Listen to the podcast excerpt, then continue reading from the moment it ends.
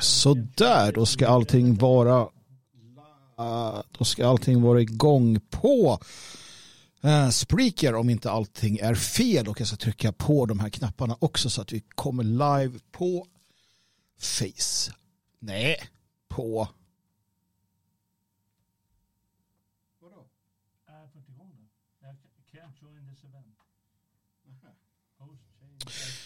Uh, ja, vi kommer snart gå igång i alla fall här och uh, förhoppningsvis så uh, kör vi igång på YouTube också.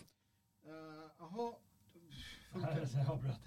Ja, men då funkar inte den länken eller vadå? Du, det vet inte jag. Det står bara uh, can't join this event. Host change access to this livestream. Jaha. Skönt att vi ska göra saken ja. nu då. Ska se om det är... Nej. Nej, det är den enda jag ser där. Jag vet inte riktigt vad där invite guests. Så. Ska jag prova igen? Ja, jag måste logga in på... Okay. Mm, gör det. Fan. Tänk om man kunde göra allting i tid.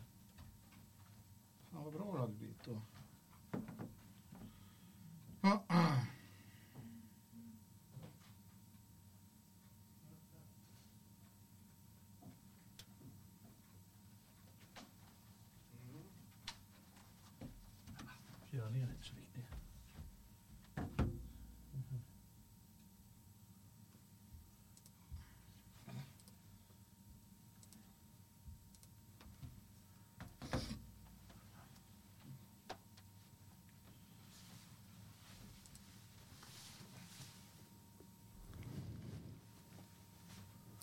Sådär allihopa, varmt välkomna är ni idag till dagens Svegot där jag och Jalle Horn ska hålla låda.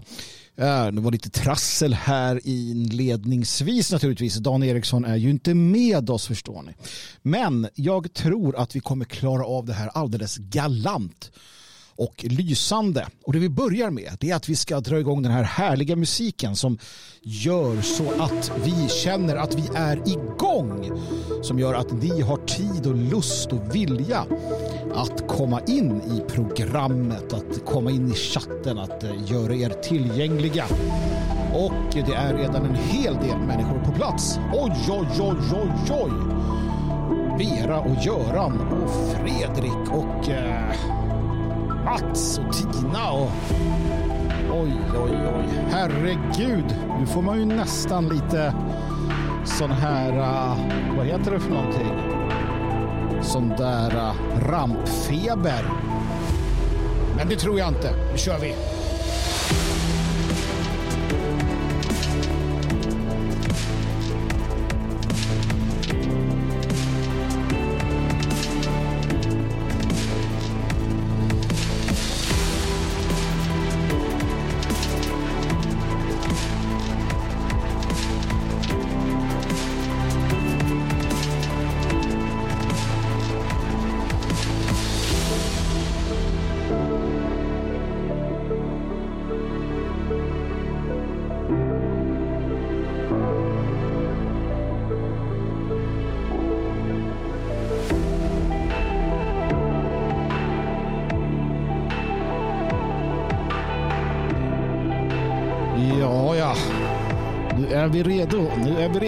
Folk. Nu är det snart dags.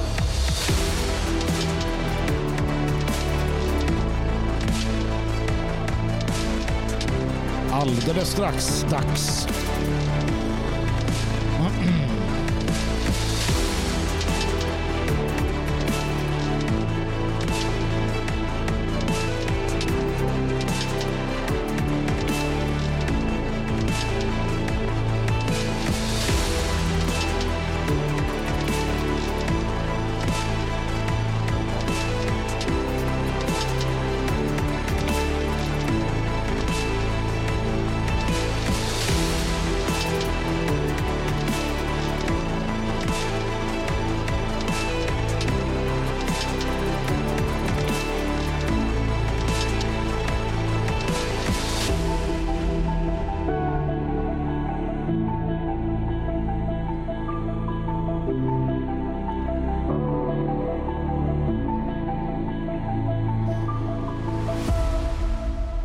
Så där ja, nu hoppas jag att allting är som det ska. Att vi är samlade och redo. Att Jalle har mikrofonen framför munnen så att han också kan prata. Hej på dig Jalle! Hej på dig du! Hur står ja. det till denna underbara måndag? Den underbara måndagen, det står alldeles underbart till. Jag har ja. nämligen mikrofonen framför munnen. Ja, men det är alltid ja. bra. Det är alltid bra. Det gör ju att du kan prata. Du, eh, vi är ju ensamma denna denna måndag. Dan Eriksson är inte med oss. Han har fått aids. han har fått aids, stackarn. Han, han flaggade ju lite för det här i, i eh, fredags. Han kände sig lite krasslig där och du hade ju precis ja. kommit tillbaka från aids. Ja, jag hade gjort det. Ja. Precis. Att, eh, mm. Den enda som tydligen aldrig får aids i det här sammanhanget är ju jag det. Är det? Ja. Har du aldrig varit... Väldigt sällan. Väldigt sällan jag försvinner. Jag brukar ofta lägga in det så att det inte stör arbetet. Ah, Förstår alltså, du, du? Du lägger in det för snabb, din uh, snabbkur på din aids. Precis, precis. Så, här, så, att det aldrig är klockan två. Nej, den kommer Nej. kanske då lite på helgen och sen går den över. över. Nej, eh, Dan Eriksson har annat för sig. Vi får se om han hör av sig telefonledes och om han gör det så får vi se om jag överhuvudtaget kan få in honom. Men vi klarar oss som vanligt alldeles utmärkt utan honom. Självklart. Uh, och vi har ju att prata om. Vi har ju att prata om. Och uh, jag tänker att vi kanske lika gärna hoppar in i ämnet för dagen, det som mm. vi har utlovat. Mm. Uh, för att, jag vet inte, har du gjort något speciellt i helgen som du känner att du vill berätta om?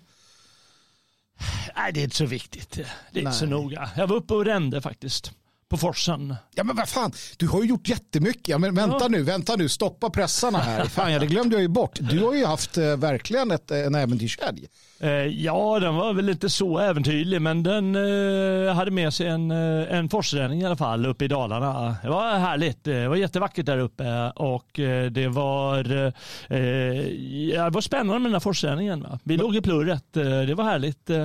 Ja, så jag tänker lite grann så här, du menar väl ändå att du säger att ja, vi hade forsränning, ja, det var inte så äventyrligt. Jag tänker att de flesta med dessa höga vattenstånd och ja. eh, forsar som jo, far fram eh, och, och, att du, att du liksom sitter i en gummibåt i princip. Ja, ner för de här, eller jag vet inte hur man åker. Ja, man åker ner för plötsligt så börjar älven forsa till och då Ja, då, är det, då är det jäkligt vågigt, det ska jag säga. Mm. Men eh, hon som, som driver det här, eller vad hon nu gör, hon var det i alla fall, någon kvinna, hon berättade för tre veckor sedan då var det, ja, då var det, då var vattnet mycket högre. Okay. Och då rann det på riktigt rejält. Ja. Då hade det regnat så jäkla mycket och så stannat upp där och så, alltså, fortsatt att regna och regna och regna. Nu hade det lagt sig lite igen men det var ändå, hon sa att det var riktigt bra ändå. Mm. Ja, så det, det var rätt häftigt uh, tur att de sa det att om man, om man trillar, om man trillar uh, ombord, uh, mm. över bord och ska rädda sin lilla kajak. Eh, man kan köra två, två inte kajak utan så här, tvåmannabåt också. Mm. Om man ska liksom rädda den, då ska man inte försöka ställa sig på stenarna eller något liknande. Mm. Nej, för eh, det, det är en sten, ett par stenar och sen är det hål. Och rätt så fastnar den där. Och mm. då så dras du med och så bara knäcks benet och sådana där grejer. Jag kände det liksom när jag föll ombord och skulle rädda båten. Ja, ja okej, okay, ja, men nu känner jag alla stenarna som rasslar förbi mina, mina fötter och ben och allt vad jag har. Okay. Ja, ja. Så det, det var ändå, på det sättet var lite äventyrligt men det var inte någon nära döden upplevelse. Det var det inte. Nej, något men, du ska göra om? Ja, det ska jag nog göra. Ja, jag var faktiskt mest orolig för det stod att det skulle vara 12 grader.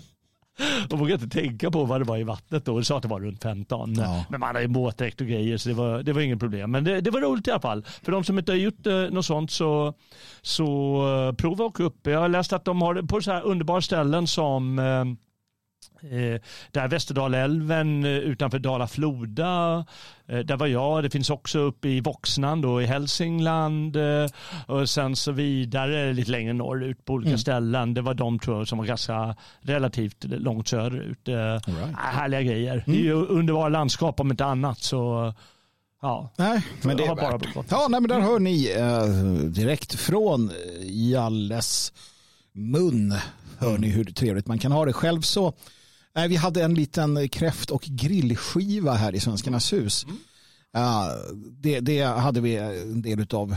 En del av manskapet från trakten kom förbi och det var trevligt. Ja. Uh, ingenting extravagant men uh, som vanligt trevligt att träffas. Ja. Så att, så ja, nej men okej. Uh, det har ju hänt en hel del i världen. Jag, jag såg att det hade bränts nere i, i Malmö och det hade varit alla möjliga och omöjliga otrevligheter runt om mm. i Sverige. Men det är ju vardag någonstans. Så, uh, det är ingenting vi kommer ta upp närmare just nu. Däremot så tänkte vi att vi skulle beta av lite grann kring det här Cirkus Nobel. Uh, alternativt namnet inte så nobelt uh, och så vidare. Va? För att Eh, förvisso så, så är det så att det som händer i Rosengård och så det, det sätter ju ändå det sätter ju ändå lite tonen på hur, hur Sverige fungerar och hur det ser ut. Men jag tycker att hela Nobeldebaclet på något sätt fångar tidsandan på ett sätt som, som är ganska, ganska, ganska talande. För att det börjar då med, ska vi se om vi kan snabbt rekapitulera bara.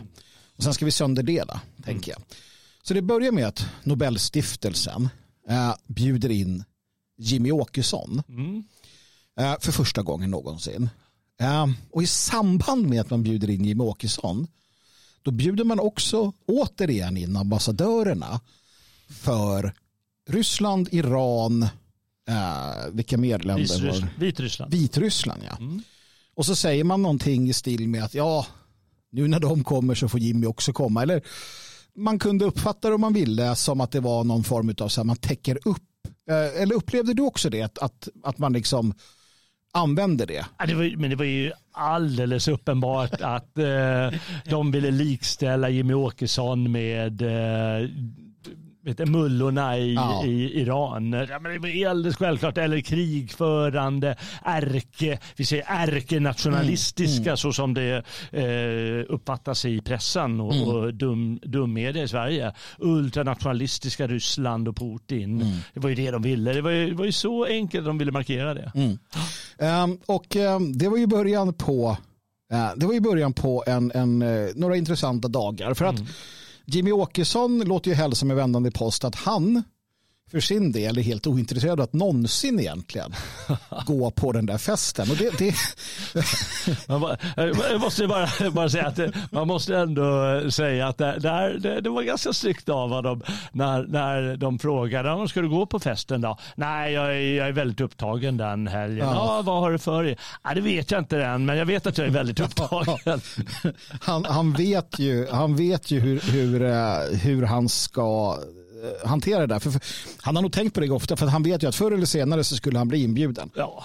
Uh, det har ju varit många år nu då han inte har blivit det. Men uh, nu sa han ju, och jag menar det hedrar honom ändå för att jag menar det, det enklaste för honom hade ju varit att, att gå på festen och liksom komma till köttgrytorna mm. och, och sådär. Men jag tror också att en sån där en sån där grej som Nobel och hela, alltså det, det börjar bli det, det börjar bli för mycket. Jag vet inte om du har sett den här filmen uh, nu ska vi se, den heter Hunger Games. Mm. Det börjar bli, allting börjar bli för mycket.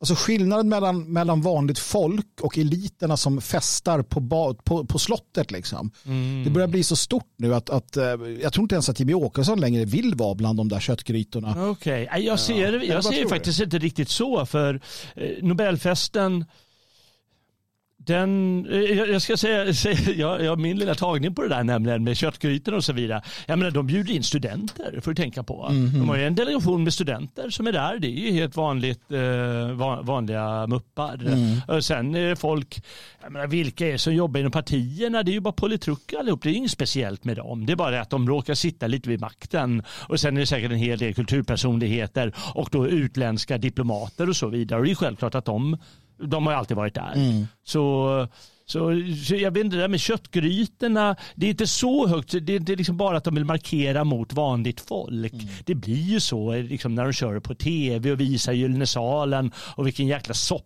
är de sörplar i sig och snackar eh, mm. eh, om vem som dansar si eller så och har det och det på sig vilket är lite, kan vara lite löjligt. Men, men i praktiken undrar jag hur mycket det är så. Jag Nej. tror inte det är sånt stort avståndstagande egentligen. Kanske inte är. Men i alla fall, eh, då tackade Jimmy eh, nej. Mm.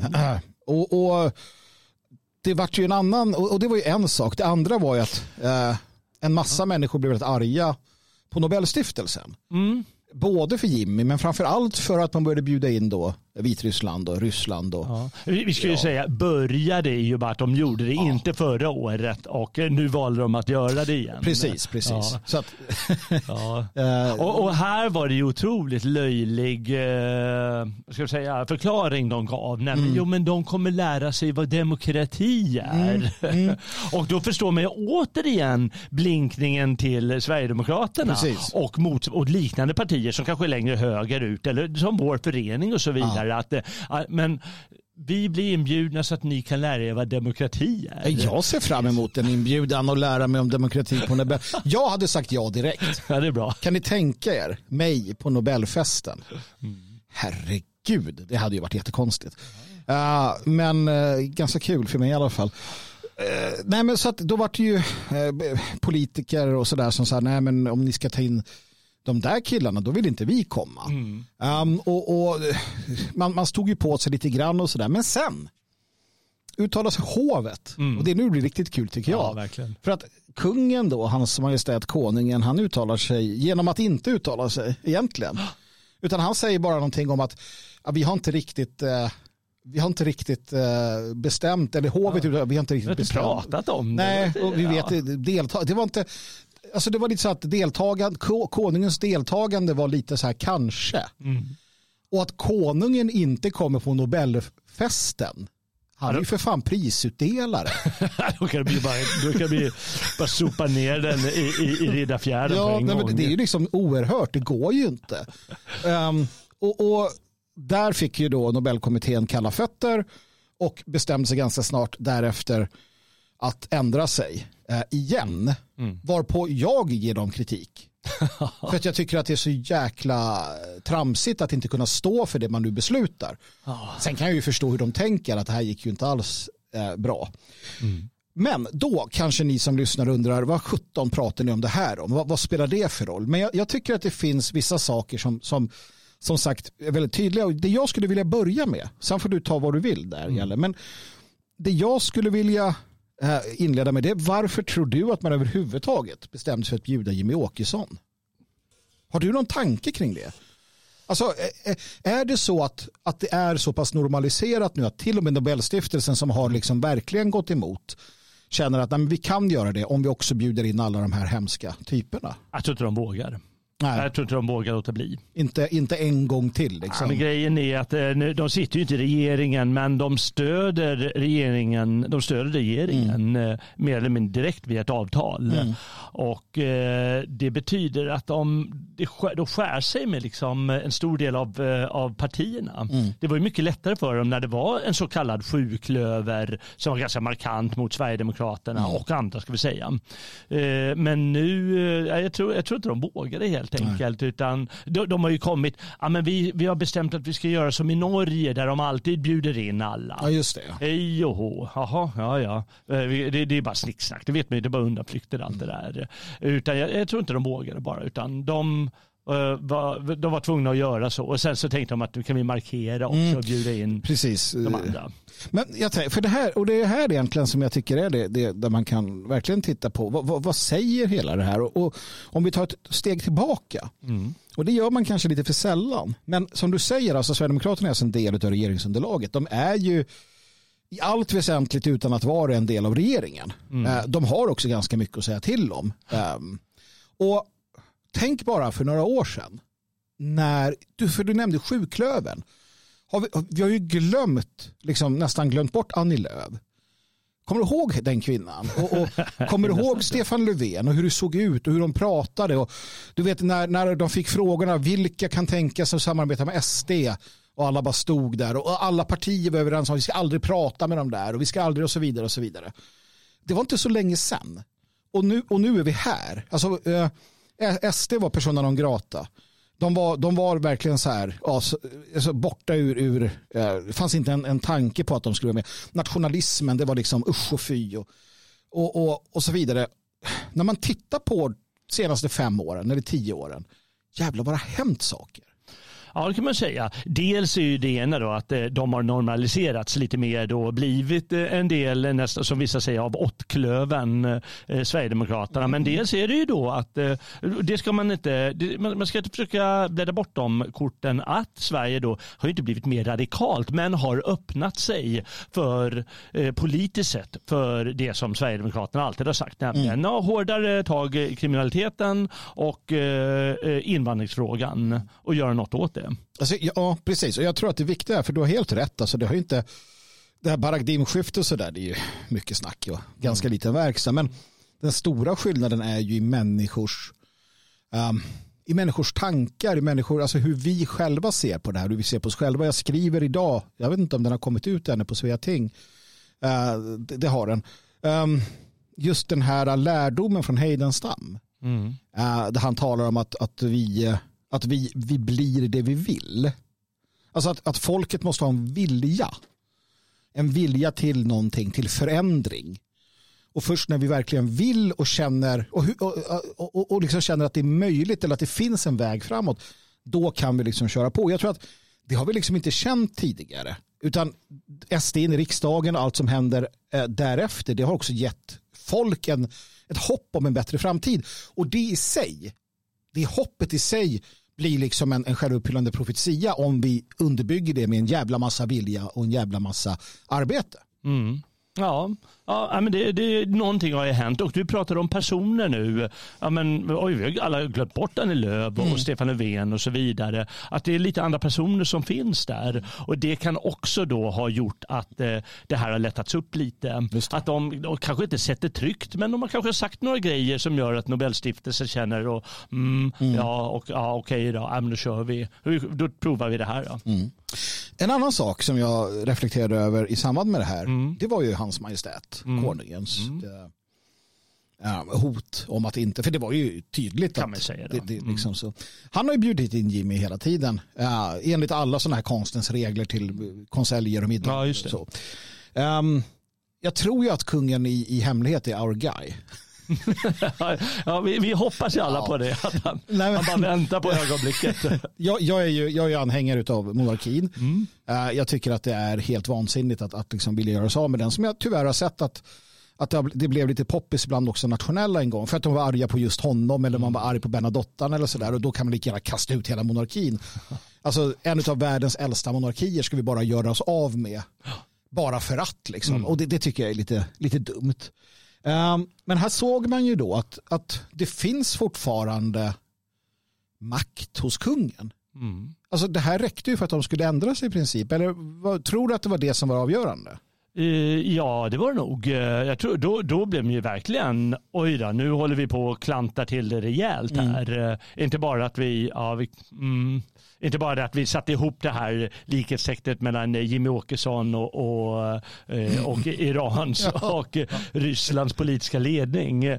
Utan att, eh, för, för det var, det kan vi vara lite fräcka och visa, men oj, nu börjar kungen. Ja och det visade ganska mycket att det här är mer betydelsefullt än man tror, sådana här symboler. För det betyder ju varken bä eller bu egentligen politiskt sett om eh, Jimmy Åkesson blir inbjuden eller inte till Nobelfesten. Det är bara Nobelfesten. Mm. har ingenting med politik eh, att göra skulle man kunna säga. Mm. Men symboliken är ganska, ganska stark. Och som du säger med, med kungen här, när hovet säger ja, mm, lite snyggt med snygg diplomati, då liksom symbolerna börjar visa sig. Ja, det, var, det var inte i närheten av Borgårdstalet eh, kan vi säga. Nej. men, eh, men, eh, nej men precis. Och för, det, för det jag tänker är att det, det, det jag ser är lite grann så som jag Alltså varför skulle jag vilja se att, att eh, monarken har mer makt? För jag, jag funderar ofta på det här med statsskick och fram och tillbaka hur det ska vara och hur man skulle kunna göra något bättre. Och, och det finns ju en gammal svensk tradition. Per Engdahl, han kallar det för, eh, no, jag tror han kallar det för kung, kungademokrati eller något liknande. Mm -hmm. um, och, den går ju ut på den gamla klassiska svenska styrelseformen att du har en kung mm. som är liksom i allt väsentligt enväldig och han är av Guds nåd och hela den biten. Men han vet han vet att hålla sig väl med allmogen. Han vet att hålla sig väl med de fria bönderna. Inte de kassa eh, i folket, eh, inte de som idag har allmän rösträtt, inte alla liksom dårar fram och tillbaka, utan de fria självägande bönderna som har visat genom just sitt självägande bondeskap att de har liksom kompetens, mm. att de har eh, driv och förmåga. Och att konungen tillsammans med dem då har styrt riket och balanserat adeln. Och, och det man kan titta historiskt är att de tillfällen då kungen har gjort det, det vill säga balanserat adeln, köpmannaklassen och vad du vill, eh, med hjälp av bönderna, då har, vi, då har Sverige varit som starkast, rikast och, och liksom eh, så. Och det, det, det var ju någonting som, som sossarna såg till att dra undan eh, dra undan mattan för eh, i och med eh, borgårdstalet och, och hela den där de verkligen såg kungens makt trots att han inte hade den där makten som han hade innan. Och det jag tänker är att när vi till exempel hade de här, det här kaosartade med att man inte kunde välja regering och att de käbblade och jag vill inte prata med den och jag vill inte prata med den. Det är ju då, för att jag är för, jag är för demokrati inom citationstecken. Eh, men det är ju i de tillfällena då en monark kan gå ner till mm. politikerna, ta dem i örat och säga okej, okay, nu är det så här. Mm. Antingen bildar ni en jävla regering, antingen gör ni det här, eller så är det slut på er. Så tar jag mm. över så länge tills ni har slutat käbbla. För den makten hade konungen förr. Eh, och det är här jag säger att det finns liksom den här Uh, in, i, I USA har du ju högsta domstolen, du har senaten och du har presidenten. Mm. Checks and balance. Och jag skulle vilja ha monarken som en check eller en balance gentemot riksdagen till exempel. Där säger jag att han skulle kunna fylla en funktion då. Eh, en, en person som inte behöver tänka på att vinna nästa val. Mm. Nej, det ligger väldigt mycket i det du säger. Uh, uh, jag vet inte om det har så mycket med Nobel, men liksom symboliken med Nobelgrejen den visar på på, på, på vikten av det här. För det är trots allt eh, kungens eh, ställningstagande här som det var hans sätt att ta dem i örat. Eh. Precis, ja. Eh, och det skulle liksom kunna ha, eh, ha kunnat vara någonting som eh, hela samhället hade haft nytta av. Mm. Det förutsätter naturligtvis många andra saker. Mm. Att Sverige är svenskt och alla de där sakerna, men det tror jag att våra lyssnare begriper. Um, så att där, där, där jag, jag, blev lite glad helt enkelt för att ja det visade ändå att det finns kraft inom den här gamla, gamla, gamla fina um, traditionen. Liksom. Ja, ja men det, det, det, det, det gör det onekligen. Eh, samtidigt blev jag väldigt ledsen, eh, inte väldigt ledsen men över att det var så ofattbart pinsamt. Det var ännu mer pinsamt än det var tidigare. Det har alltid varit pinsamt med den här Jimmy Åkesson-frågan. Mm. Eh, som visar på det mycket, mycket olyckliga med den här Nobelstiftelsen och hela den här symboliken, nämligen att det återigen så har det politiserats mm. på det absolut töntigaste sätt, nämligen det här svenska, eh, svenska sättet, det svenska moderna sättet med, med Annie Lööf-typen mm. och, och, och, Stefan Löfven-typen och det är de som, de, det, det här sedan 2010, det har liksom visat var, hur ofattbart löjligt det har blivit, eh, mm. det här med, med eh, Nobelutdelningen och den här Nobelfesten. För jag antar förut att man automatiskt, som man då tydligen har gjort i Norge hela tiden, mm. eh, vare sig man får skit eller inte för det, så, ja, men vi bjuder in alla. Mm. Vad skulle vi annars göra? Mm. Ska vi börja handplocka? Vi ja. vet ju alla vad händer nästa år. Ska jag börja göra samma sak då? Mm. Och alla vet ju att eh, hur många gånger har de inte bjudit in, eh, låt oss säga massmördare, kanske ja, nordkoreanska eller kinesiska ja. massmördare. Ha? Det är mm. ingen som har klagat över det. Nej. Aha, men kineserna är inbjudna i år. Ja, just det. Jag menar, hur många uigurer har inte de mördat? Ja. Det är ju tusentals, tiotusentals. Det är hur mycket som helst. Eh, och så kan man fortsätta med land efter land efter land. USA, jag menar hur många bombningar ligger inte de bakom? Mm. Hela den här jävla migrationsvågen i världen sedan mm. eh, Irakkriget. Eh, eh, det är de som ligger bakom. Mm. Eh, problemen på Balkan, ja, men det är de som kör det igång desto kraftigare. Mm. Även, om man, även om serberna är Guds bästa barn. Så, så ska man gå, nej, din, din ambassadör får inte komma mm. i år för du är ja. amerikan. Men det går ju inte att göra. Utan diplomatin fungerar ju så och där vill jag gå in på lite hur det, hur det kanske borde vara och vad vi har tappat. Nämligen, det har alltid varit eh, ganska, låt oss säga adelsmän som har gjort det här klassiskt sett. Va? Mm De har styrt det här med diplomatin för de behärskar det här. De, de har haft franska och tyska och andra språk har de lärt sig sedan de var barn. Mm. De kan hantera och de har pratat med andra sorters människor i, i alla sina dagar. De har mött höjdarna ända sedan de var barn. De, kan, de behärskar snacket, de behärskar hur man ska hantera det här. De behärskar att ja, där går Rysslands ambassadör, ja, jag går och skakar hand med mm. honom. Mm. Och det, det, han, han kan koppla ifrån mm. det här att vi kanske till och med nästan är i krig med varandra. Precis. Han, Låt alla komma, låt det vara på en sån hög diplomatisk mm. nivå och om ni inte klarar av att göra det, då ska fan inga politiska företrädare gå för det är bara en massa jävla mm. kretiner här i Sverige. Ja, men då får man gå till, eh, eh, vad heter det, adelshuset där på, på mm. i Gamla stan, eh, Riddarhuset. Då får man gå dit och värva folk som får gå på den där jävla festen. Ja. För de klarar av att hantera det. Den här, då tar de in jävla norrman, Vidar Helgesen som också ja. var någon annan norrman före honom tror jag. Eller, vem det var. Så, sossenissar som inte klarar av att sköta jobbet. Mm. Det, det är så, eh, och det här är bra, nu är det lite associa, fri, fri, fria associationer. Vi, vi, började vid, eh, vi började vid Nobelfesten och jag vill flytta det här till, till Polen, utanför Polen. 1939. jag, vill, jag vill att vi får bilden när om det fick slagskeppet eller vad det är för något, eh, Schleswig-Holstein, mm. Eh, öppnar eld eh, mot de, den polska staden som jag inte vet vad den heter. Och det finns en, en journalfilm där de filmar och då står officeraren, han, alltså kaptenen, skeppets kapten, en tysk. Mm. Han står i liksom fullständig kontroll, helt stram och eh, medan det, du vet, kanon, kanonerna bara smäller och smattrar så står han och hans liksom, besättning och hans underbefäl och bara tittar. De pratar lågmält eller högmält säkert med varandra, tittar, liksom, eh, tittar i kikare, dirigerar elden. Du vet, inget så här, ah, inget, mm. bara så här fullständig kontroll. Och då tänker jag på kaptenerna eh, på fartygen under, under eh, Napoleonkrigen. Eh, som när de är tvungna att sträcka vapen, så där, den här artigheten, den här, aha, då, är du, då är vi krigsfångar här och så vi lovar att inte fly och sen fick de göra som de ville. De levde ju fritt. Mm. Du vet, heden var så stark hos många så att man släppte människor. Ja, men du får bo i den här, den här krigsfångarna fick bo i en stad någonstans. Mm. Och så här, ni får inte lämna den här staden. Okej, okay. Och så gjorde de inte det. Mm. Ja, någon här och där Jaha. säkert. Men, men också sådana här saker som att ja, nej, men då ska vi sluta kriga klockan 15.00. Då är det te. Och sen återupptar vi krigandet vid 17-tiden och så gjorde folk det. ja, det. Alltså all den här självkontrollen, heden. Mm. Som du säger just att ja, men vi ligger i krig men god dag herr ambassadör. Jaha, ja. hur är det med barnen? Alltså det där.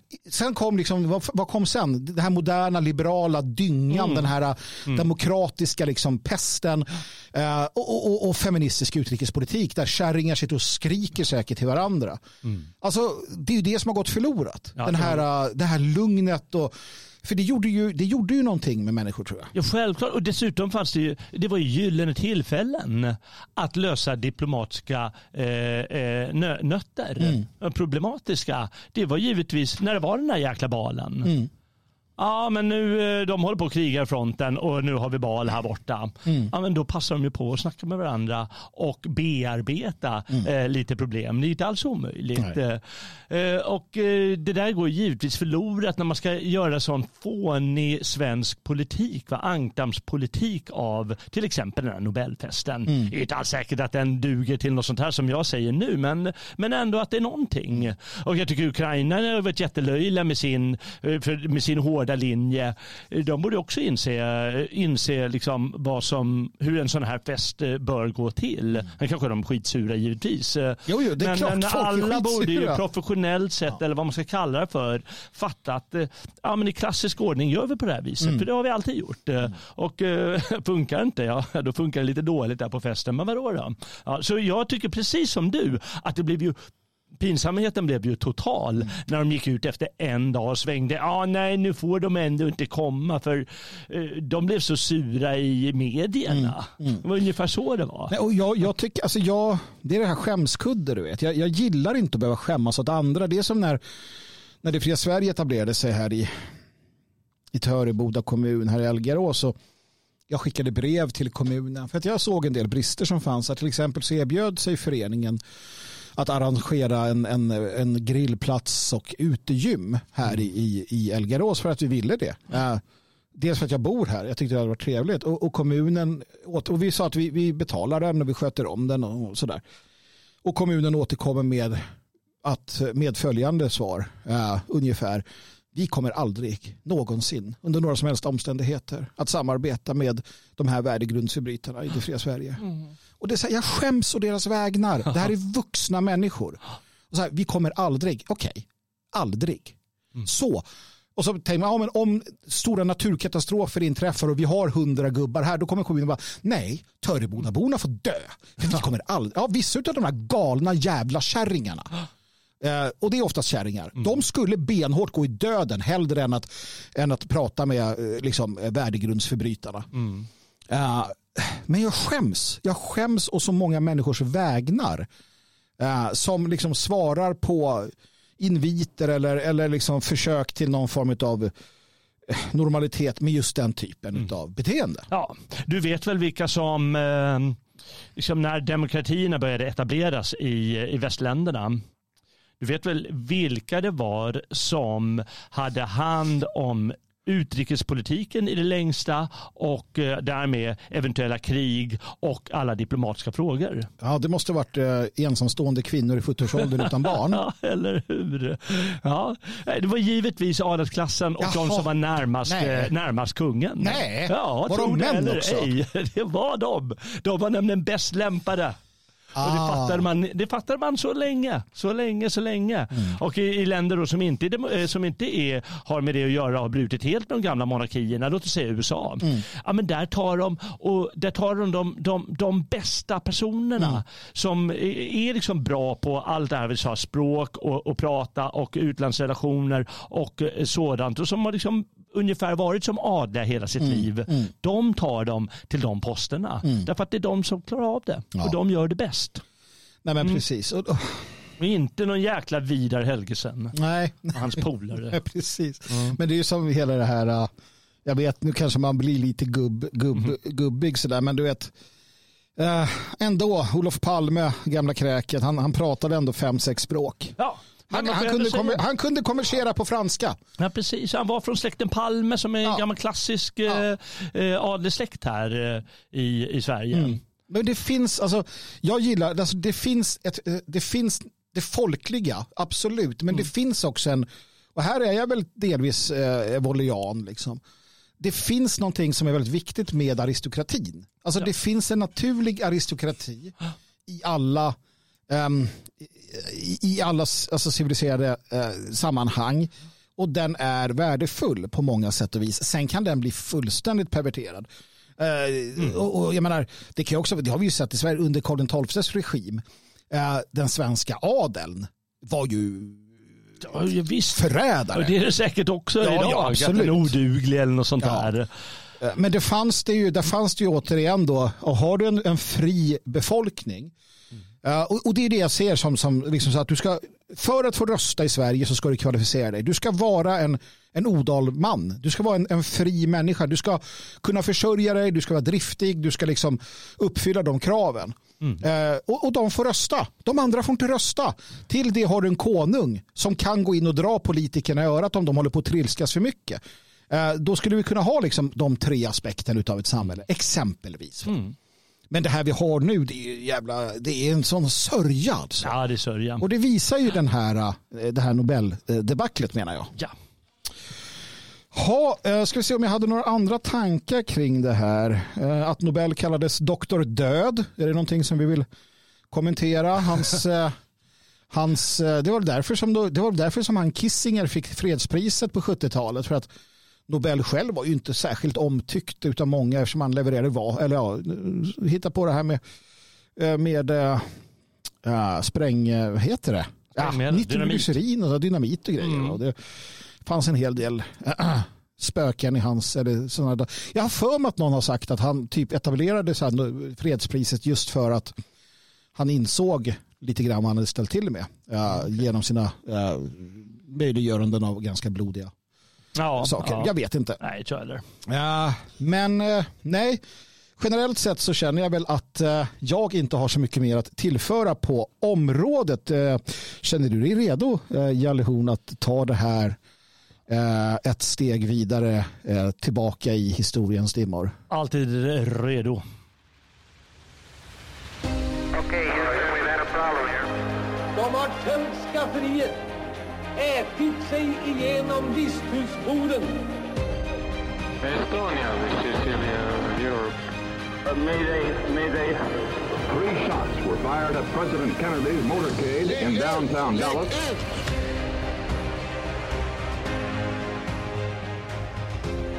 Det fanns en tid då modiga germaner stod upp rakryggade, kanske med spjut i handen, mot stormaktens Rom. Och det fanns en tid då dagens germaner stod upp mot kommunistiska förtryckande statsmakter. Och det fanns en tid då europeiska folk vågade jorden runt för att visa vilka de var. Och nu går vi in i vad ska jag säga, en sån tid på nytt får vi hoppas. Vi ska i alla fall berätta lite om den. Absolut, det ska vi göra. Och eh, Jalle Horn, du har suttit med näsan i historieböckerna här. Ja, men det var ju ditt fel va? Ja, det var ju mitt fel. Uh, ja, det var ju egentligen Dans tur den här gången. Det var Dans eh, tur, Ja, ja, det var Dans, men ja. han valde ju att få aids. Så att, Ja, precis. nu är det du Aids som ska leda oss. historia. Du ska leda oss genom den här veckans historia helt enkelt. Ja, precis. Ehm, eh, Jag får väl börja baklänges höll jag på att säga. Eh, men det, är så konstigt. Jag trodde att vi mest skulle ta dagen eller så tyckte jag, jaha, blir det hela veckan då? Veckans Mm. äventyr då? Ja, men då får jag nog koncentrera mig på lite grann här. Men eh, nu blev det alltihop eh, efter att eh, du kom och tog mig i örat. Eh, vi börjar längst bak i, i tiden. Ja, men det gör vi. Ja, men den största händelsen, Ja. eh, nämligen den 8 till 11 september år 9. Och nio, det är länge ja, sedan. År 9. Ja, det är länge sedan. Ja, det är mer än 2000 år sedan, fattar det. Eh, Då eh, valde en grupp germaner att eh, se till att eh, deras riken, eller vad de ska kalla det för, Mm. inte skulle erövras av romarna. Ja. Och de gjorde ju inte på det snyggaste sättet. Det var ingen man säga. diplomati. Det var inte diplomati och det var inte öppen kamp på slagfältet utan de lurade in dem i en fälla. Jaså, det gjorde Ja. jag. Berätta mera, berätta mera. Ja, men alla känner ju till att eh, i, i eh, Teutoburger skogen i eh, sydvästra Tyskland eh, dagens Niedersachsen så gick eh, tre romerska eh, arméer sitt eh, öde till mötes. De dog nästan allihopa efter att då en, en herre vid namn Arminius eh, som eh, av Martin Luther, din gamla idol, Min idol, fick, ja. det, fick det lämpliga namnet Herman. Just det, Herman Ja, Arminius. det är ju många som tror att han, ja, men han heter väl Herman. Ja, det är klart han bara- Herman. Det är bara Luther som hittar på. Ja, ja. Herman fanns ju. Alltså namnet då när han var ute och härjade så hette de inte ens Herman. Då hette de ju något helt annat. Jag vet väl det. Och Arminius var hans romerska namn Precis. eftersom han eh, blev bortbyting, eller vad man ska kalla det för, diplomatisk bortbyting och eh, växte upp i, i romerskt eh, hem. Precis. Ja, i Italien. Eh, Men, eh, och eh, var med i den romerska armén givetvis eh, ett tag innan han tänkte att eh, ja, men det här är kanske ett sätt att göra mig till hövding eller kung eller bara att ja, men jag tycker inte det är bra det här med, med romarna eller vad han gjorde och lyckades då ena ett antal stammar och eh, se till att få till det här slaget så att eh, romarna inte skulle komma tillbaka. Jag har ju varit eh, vid eh, Ja, vad häftigt. Jag har inte varit där. Du har inte varit där. Det, det finns alltså i, i, i, anknytning till, det är ett ganska stort område den här Teutoburgerskogen där, Mm. där slaget stod. Eh, och som du sa, slaget stod under flera dygn. Ja, det var ju en slakt utan dess like. Där du som, som sagt, man, man, man förstod ju att Rom, romaran, romarnas styrka var ju deras formering, formationer. Mm. Och när man fick in dem i den här täta skogen, då gick Ja. de en och en, två och två. Vet du. Ja, vet du hur de fick in dem där? Nej, hur fick de in Alltså, dem? det är klokt vilka förberedelser. Ja. Eh, jo, eh, menar, det, det, fanns ju, det fanns ju stigar sådär, och de var relativt breda Mm. Ja, ja, så de kan dra vagnar och allt Ja. de behöver där. Eh, men då hade de under sommaren hade de, eh, täppt till den vanliga stigen. ja. Och de hade täckt för den liksom ett, eh, ett antal, kanske 100 meter och sånt där och gjort skog av det igen. Så det såg ut som det var vanlig skog där. Och sen har de gjort en, eh, eh, så att säga, att det såg ut som stigen, ja den fortsätter åt det hållet. Ja. Men där hade de gjort den tätare. Så de har gjort en jävla stig. Åh, de har skapat en ny stig för att få in romarna. Och de, de hade gjort den tätare och de hade gjort det som en liten halvmur. Ja, Så att ja. de kunde gömma sig bakom och hålla på. Och då fick de ju ut den, de fick ut den alltså, så här 15 kilometer eller något sånt. Ja, ja, det var, det var det helt jävla... Ja, ja, Man fick ut jävla arm, en, de här tre arméerna på 20 000 man. Det är ju med tross och allt. De led på, på 15 kilometer eller någonting. Det är Och helt bara- galet. och Och vi pratar om 9 före Kristus av vad man då kallar ett gäng barbarer Ja. här uppe i Ja, norr visst. som bara tänker ut, ja men nu ska vi göra, nu jävlar ska vi visa vad vi går Mm. för. Okej, man kan ju kalla det bedrägligt så här, ja, nu är vi tappra och gör upp Ja, ja. eh, öppen mark. Ja, Men så gjorde man inte. Man Nej. lockade in dem i fälla och eh, de var säkert skitnödiga, många utav dem. Vi möter ju ändå världens största och mäktigaste armé här. men, eh, men ändå så, det var inte många germaner som dog. Nej, det var det inte. Utan det var uppåt 20 000 romare som helt enkelt sveptes bort från jordens Varus yta. schlacht. Ja, just det. Och Varus. Ja, de, de, kan- ibland heter det Hermannschlacht, ibland Ja. Varusschlacht. Det beror på vilket humör tysken som säger det här.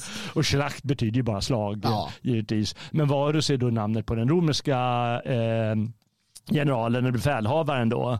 Och eh, ja, han gjorde så gott han kunde. Ja. Det var nog inget fel på honom. Och han, Han var ju en han- duktig, eh, duktig eh, härförare. Ja, han, var väl, han var väl helt normal. Han hade fått mycket skit genom historien givetvis. Mm. Va? Men bland annat för att han blev varnad några dagar, dagar före. Mm. Att eh, det var ju någon släkting eller halvsläkting Ja, till, till Arminius som var och sa till honom Ja. att du vet väl att du blir inlurad i en fälla. Men då tro, han trodde inte på honom av förklarliga skäl. För han var liksom att ja, men han är besviken på det och det och då ska han jävlas med mig. Och eh, nu, det är så här vi gör liksom. Sen finns det väl ett problem alltid med att, att, att, att anse sig själv tillhöra ett herrefolk eller att vi är bättre än alla andra. Mm. Romarna hade ju också den inställningen, så här barbarer, Ja, Precis. liksom smutsiga typer Ja. i skogarna. Ja. De tar vi. Och så nej. Ja, och jag menar, de hade ju, Julius Caesar hade vunnit en eller ett par eh, slag mot de här barbarerna och tillbaka, längre tillbaka till Marius hade räddat romarriket ett par gånger. Men nu blev det stryk och då fick han eh, till slut eh, göra det enda man gör när man är en sån, om vi ska inte kalla högmodig, men eh, en bestämd Ja. romersk general som det går till helvete för, då hoppar man på svärdet. Det gör man. Ja. Och det gjorde han. Och ska, vi ska inte ta ifrån honom någonting för detta och, och, kanske sätta oss eh, på höga hästar. För du kan tänka att det är en och annan german som vi kommer höra också som väljer svärdet då när det inte det. går som man vill. Men som sagt, jag har varit på platsen. Eh, Mm. Det finns en, en sån här, heter det monumentalstaty eller någonting? Alltså en, Ja, precis. Ja. rejäl Ja. staty på en rejäl eh, piedestal. Ja. underbart eh, att komma dit och, och vandra upp där. Du vet, det är något med atmosfären, det är något med skogen, det är något med vägen dit. Alltså det är, eh, jag rekommenderar det skarpt alltså. Det finns så mycket att se och, och det här ligger i ett område jag kallar för en så germansk helig triangel.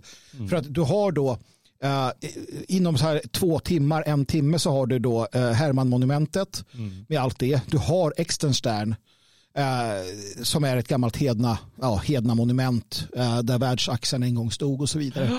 Och sen då längst ner i den här pyramiden som det utgör så har du eh, SS-borgen eh, eh, Wewelsburg. Som någon form av, liksom, så det blir som en, en helig triangel där. Eh, för de som är lagda åt det hållet.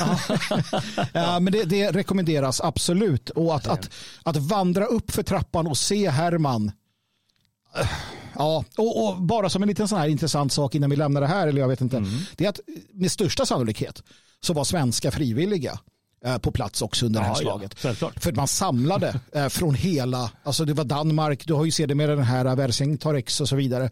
Alltså det fanns ett utbyte här emellan. Mm. Ehm, så att det fanns, eh, jag har eh, läst det någonstans att det, finns tecken på att svenskar, svenska frivilliga var, Okej. var med där nere Ja, helt enkelt. Ja, det är mycket möjligt. Vi ska också komma ihåg att eh, efter slaget så, så gick Arminius och hans polare och trevade med andra germanstammar, till exempel markomannerna. Mm, Att ja, men är det inte dags att eh, ni också ska börja bråka med romarna? Och de sa nej, nej, nej, vi, vi, vi bor här bredvid dem och eh, vi har slagits förut och det räcker för tillfället. Det är ju sådär. Så, så alla var ju inte med på, på det där. Nej, Men, för eh, fasiken. Det- men Sen började ändå. germanerna slåss med varandra igen. Ja, precis. Va? Men, eh, och romarriket gick inte under för det. Nej. Utan det tog ju nästan 500 år till. Fram till den 4 september 476. Och vad händer då? Ja, men då hände följande. Att eh, eh, kungen går och tar någon i örat.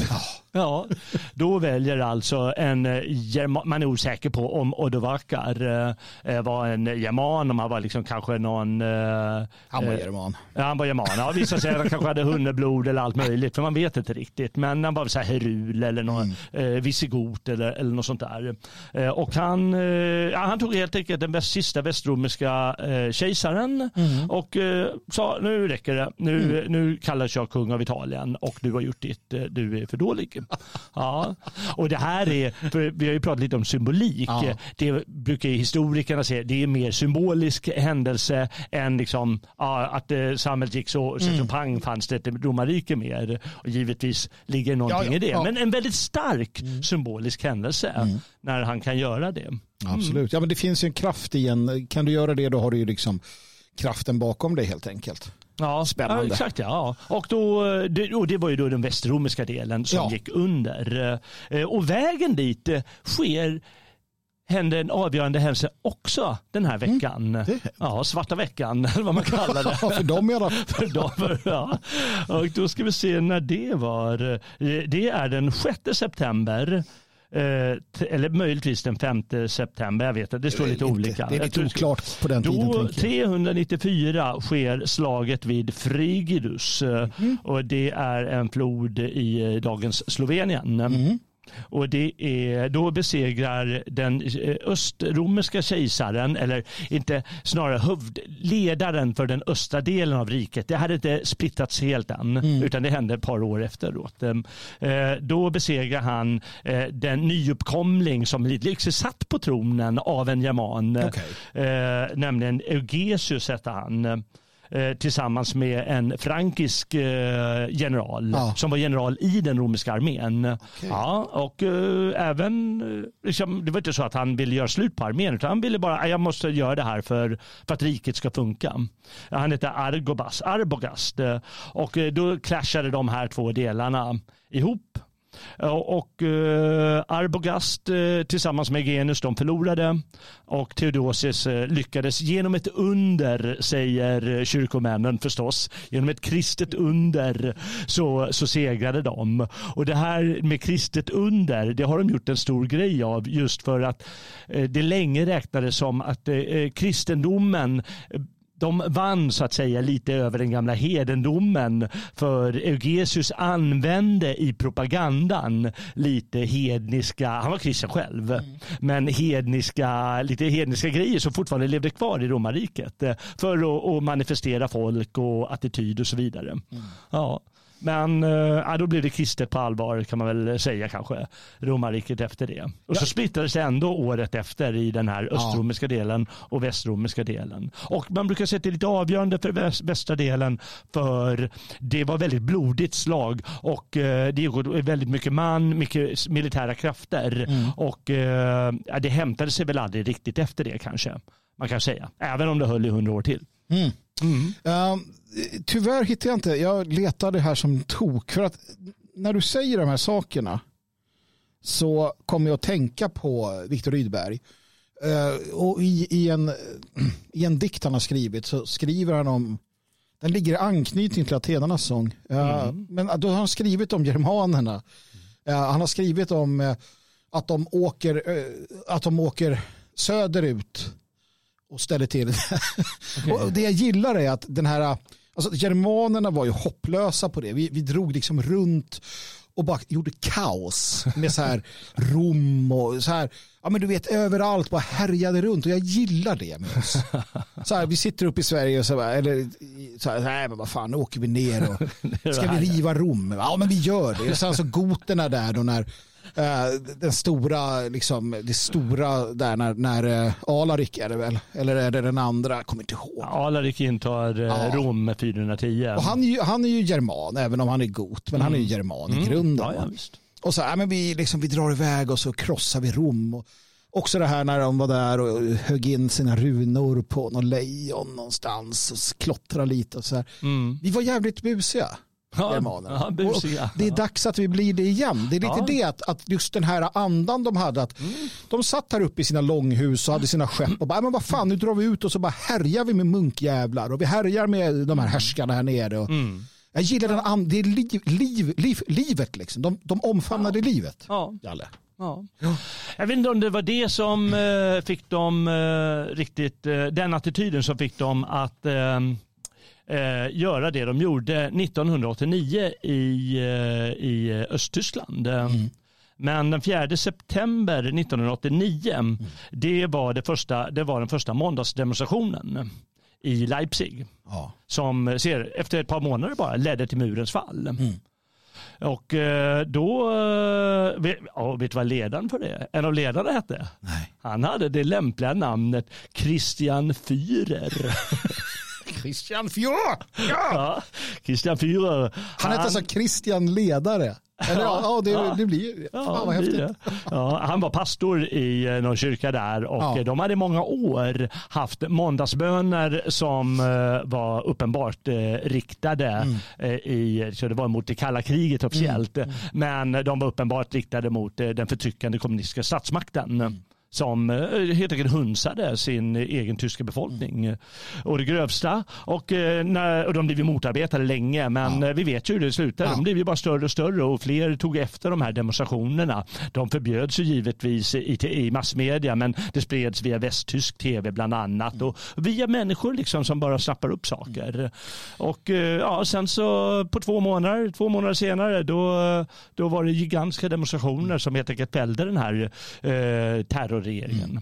Nej, alltså det här är en sån, om ni inte känner till det här, jag gjorde inte det innan jag började med, med eh, motgiften till historien och, hamnade i Tyskland. Men alltså det är en fantastisk berättelse om, om hjältemod och, och mänsklig mänsklighet, om, om viljan till frihet. Och nu är vi inne på det här med viljan. Man ville, tillräckligt många tyskar ville. Och, och kom inte och säg att vi inte kan det i Sverige idag. DDR-regimen, Stasi etc. Var, är lång, var långt mycket värre än svensk polis, en svensk liksom, liberal demokrati. Ehm, det, var en, det var en fullfjädrad diktatur. De spärrade in dig, de avrättade människor, i, i, de torterade människor i fängelsehålor. Det gör man inte i Sverige. Ehm, så att deras vilja att gå ut på gatan och bara göra det här. Inte, inte gå ut och ställa till med kaos utan gå ut och, och bara vägra, vägra Mm. underkasta sig den här regimen. Fick den på fall på två månader. Ja. Alltså, Ja, men det, det, det, och det, det har en stor symbolik för, eh, eh, som liksom nästa generation kan använda. Ja. Och det såg vi för, eh, för ett par år sedan. Precis. Och jag gick ju själv de här måndagsdemonstrationerna mot coronaterrorn Ja. i, i Tyskland. Och det var, det var störd terror. Och polisen, jag säger det igen, att polisen kom och samlade eh, med en grupp människor Mm. Och lät dem stå där mitt i vintern i två timmar Mm. och frysa innan, medan de låtsas förhörde människor och sen så eh, satte någon prick i något register Precis. någonstans eh, för, för uppstudsighet. För de hade egentligen rätt att göra, gå sådär. Men de sätter en ring runt och säger ja, men nu står ni stilla och det får ni inte göra. Nej, precis. Och, eh, därmed. Så de använder fortfarande Ja. använder det och det kommer komma till användning igen Absolut. om 50 år när, när staten eller någon förtrycker dem på ett dåligt sätt. nej, för, och innan det så var det ju i, i samma sak Leipzig där Mm. eh, de här uh, antimuslim uh, legida uh, tyska, alltså, tyskvänliga demonstrationerna tog tog fart också. Eh, Pegida, Legida, allt vad de nu hette. Mm, ja just det, Pegida ja. Ja exakt ja. Det- ja det de gjorde också, använde många- också det. Ja, och där var det ganska, det varit en 10-15 tusen. eh, Och så spreds det sig. på, det jättestora demonstrationer länge. Ja. Det var ju just coronan som så att säga satte stopp för det. För det fortsatte ju bara. Ja, just det. Ja, nej, men det är fantastiskt. Mer, läs mer om det. Ja. Verkligen. Eh, Ska vi ta någon rolig grej i historien? ja, ta något roligt. Vi tar ett par roliga här. Ja. Jag tycker det, det, det, det är häftigt. Eh, eh, Vi har här 1698, den 15, 5 september. Det är imorgon 5 september. Det det. Mm. Då bestämde tsar Peter att hans adelsmän, de är inte tillräckligt eh, västliga av sig. De håller på med gamla knasiga traditioner som de har i sitt moskovitvälde. Och då inför han en lag eh, som är en skatt på alla män utanför prästerskapet och bönderna. Eh, En skatt på män som bär skägg. För att hans adelsmän ska bli lite mer som de i väst. Alltså, du vet, ja, men det är det här jag, det är därför också jag vill ha en, en Alltså jag vill ha en, en så här maktfullkomlig kung. För han gör, de kan göra så roliga saker. Ja. Just där, så att på den tiden, han vaknar på morgonen och så bara, nej, fan alltså. De där skäggen ska bort alltså. Och, så kan han, och han kan besluta det. Ja. Han kan det. Och det är bara att lyda.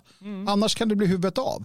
Och jag, jag, tycker om jag tycker om det. Det är ju vansinnigt naturligtvis. Men tänk om Ulf Kristersson vaknar imorgon och så bara nej, jag tänker nog att alla ska gå i, alltså hitta på något så här, det är ingen som skulle, det går ju inte idag. Nej. Jag tycker det är underbart, det är roligt. Ja. Den 10 september 1956 uppträder Elvis på The Ed Sullivan Show. Och efter det så är alla brudar i Amerika Jag undrar vad han hade Elvis. Vad var det som? Jag fattar inte. Höfterna brukar de säga, men, Ja, det kan ju men inte varit. Ja, Det är en sån här, konst, en sån här konstig grej som bara blev. Jag bara jag tänker också det. Och än idag, alltså de som gillar han då gillar han ju. Det, men det, är, är någonting, jag vet inte, det kommer generationer eller vad som helst. Som när Björn Borg, brudarna älskar Ja. Björn Borg. De, alltså, du fattar, vet du hur de gjorde? De bara, hade aldrig sett en tennismatch i hela sitt Nej, nej, liv. nej. Och de bara stod när han körde förbi sin Ja. bil, kortege och skrek Åh Björn Borg! Du vet, runt hela världen. Vad fan vad snygg kille. Så, ja, men liksom, det är någonting. Ja, ja, ja, det är lite som när du och jag går ifrån Svenskarnas hus förvisso. Alltså, det finns ju vissa likheter. Ja.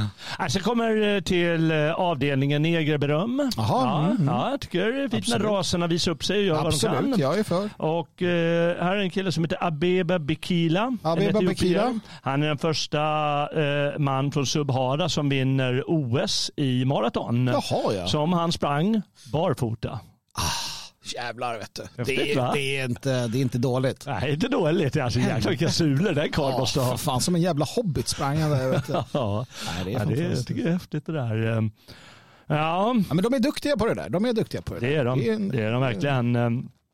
Eh, Ska vi ta, ska vi ta lite sjöfarare? Absolut, sjöfarare Ja. är alltid kul. Det är en jäkla massa sjöfarare den här veckan tydligen. eh, Som antingen åker iväg eller anländer.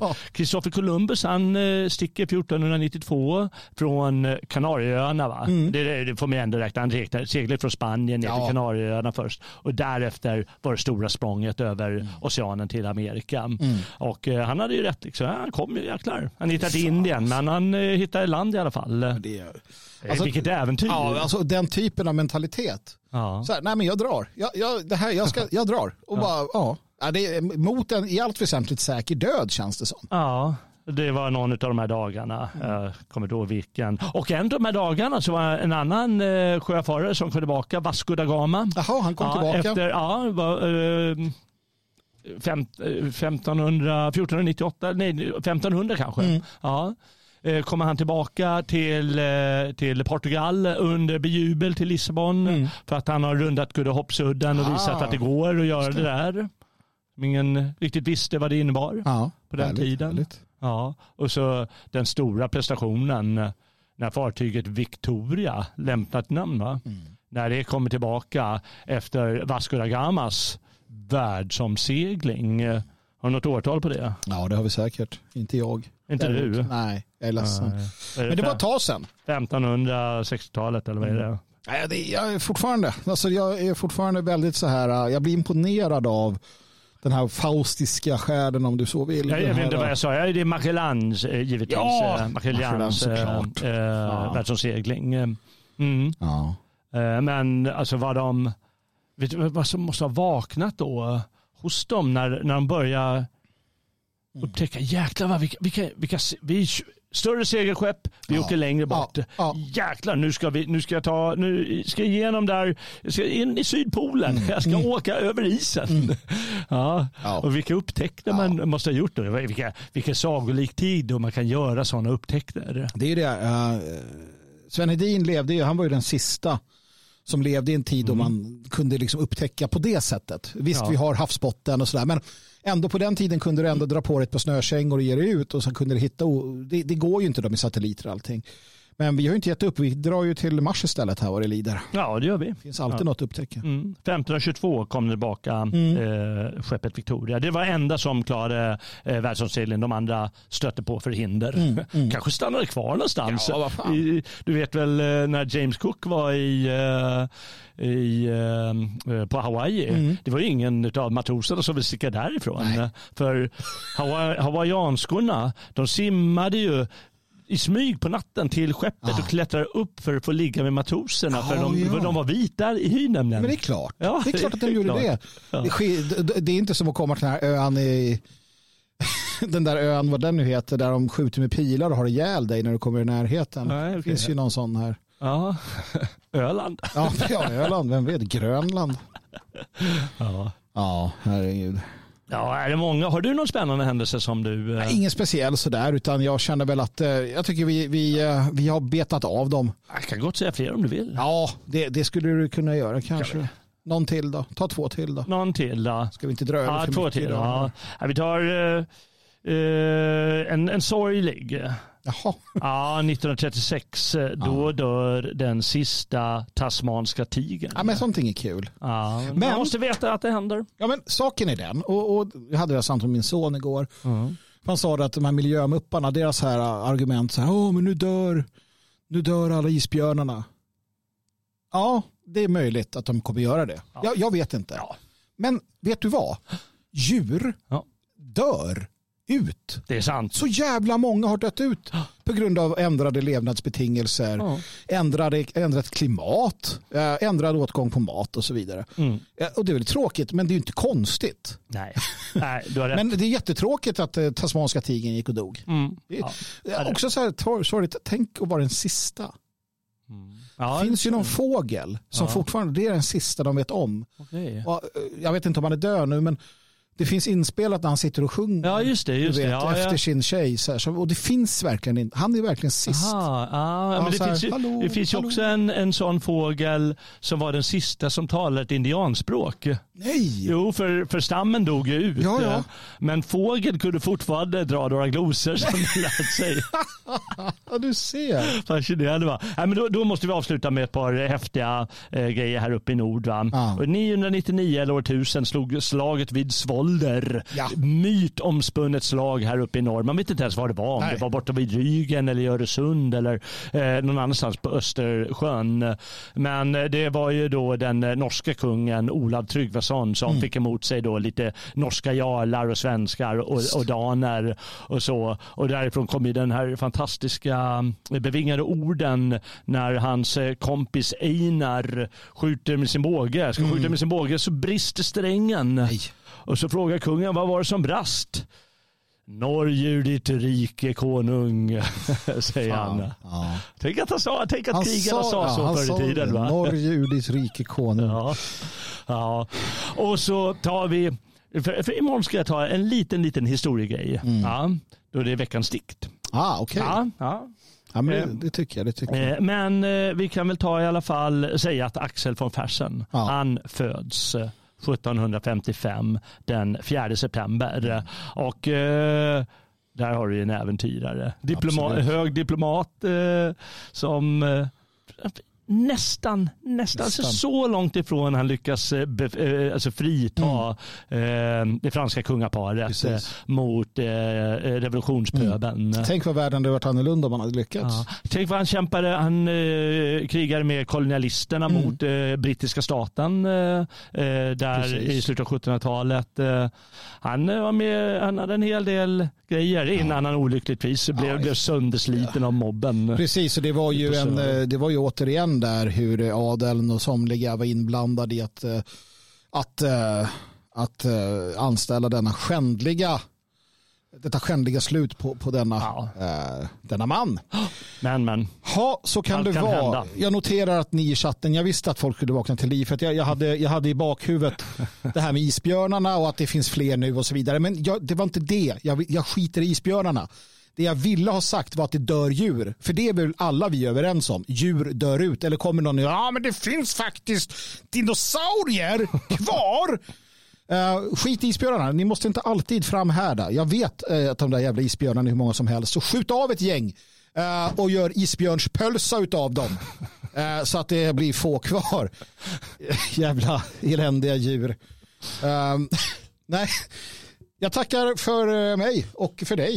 Uh, Ja, tack så Jalle. mycket. Tack för eh, att ni som var med var med eh, och att ni som lyssnar lyssnar. Glöm inte att gå in på, inte vet jag, det fria Sverige. Ja. Och bli. Sveating.se. Sveating.se, absolut. Logik.se, där finns det ju bra böcker, bara bra böcker. Och om ni nu blev Eva-Marie ledsen på mig. Nej Magnus, nej jag menar inte att vi ska döda alla djur. Fan, jag Bara tasmanska tigrar Bara tig- ser dem. Ser ni en tasmansk? Nej det kan ni inte göra, de är utdöda. Kanske hitta en i djungeln ändå. Pandor, de hade varit utdöda om de inte hade blivit omhändertagna. Jag tycker de är söta. Ja, jag vet inte, hörni. Eh, vi tackar för oss. Ha en fantastisk trevlig måndag på återhörande.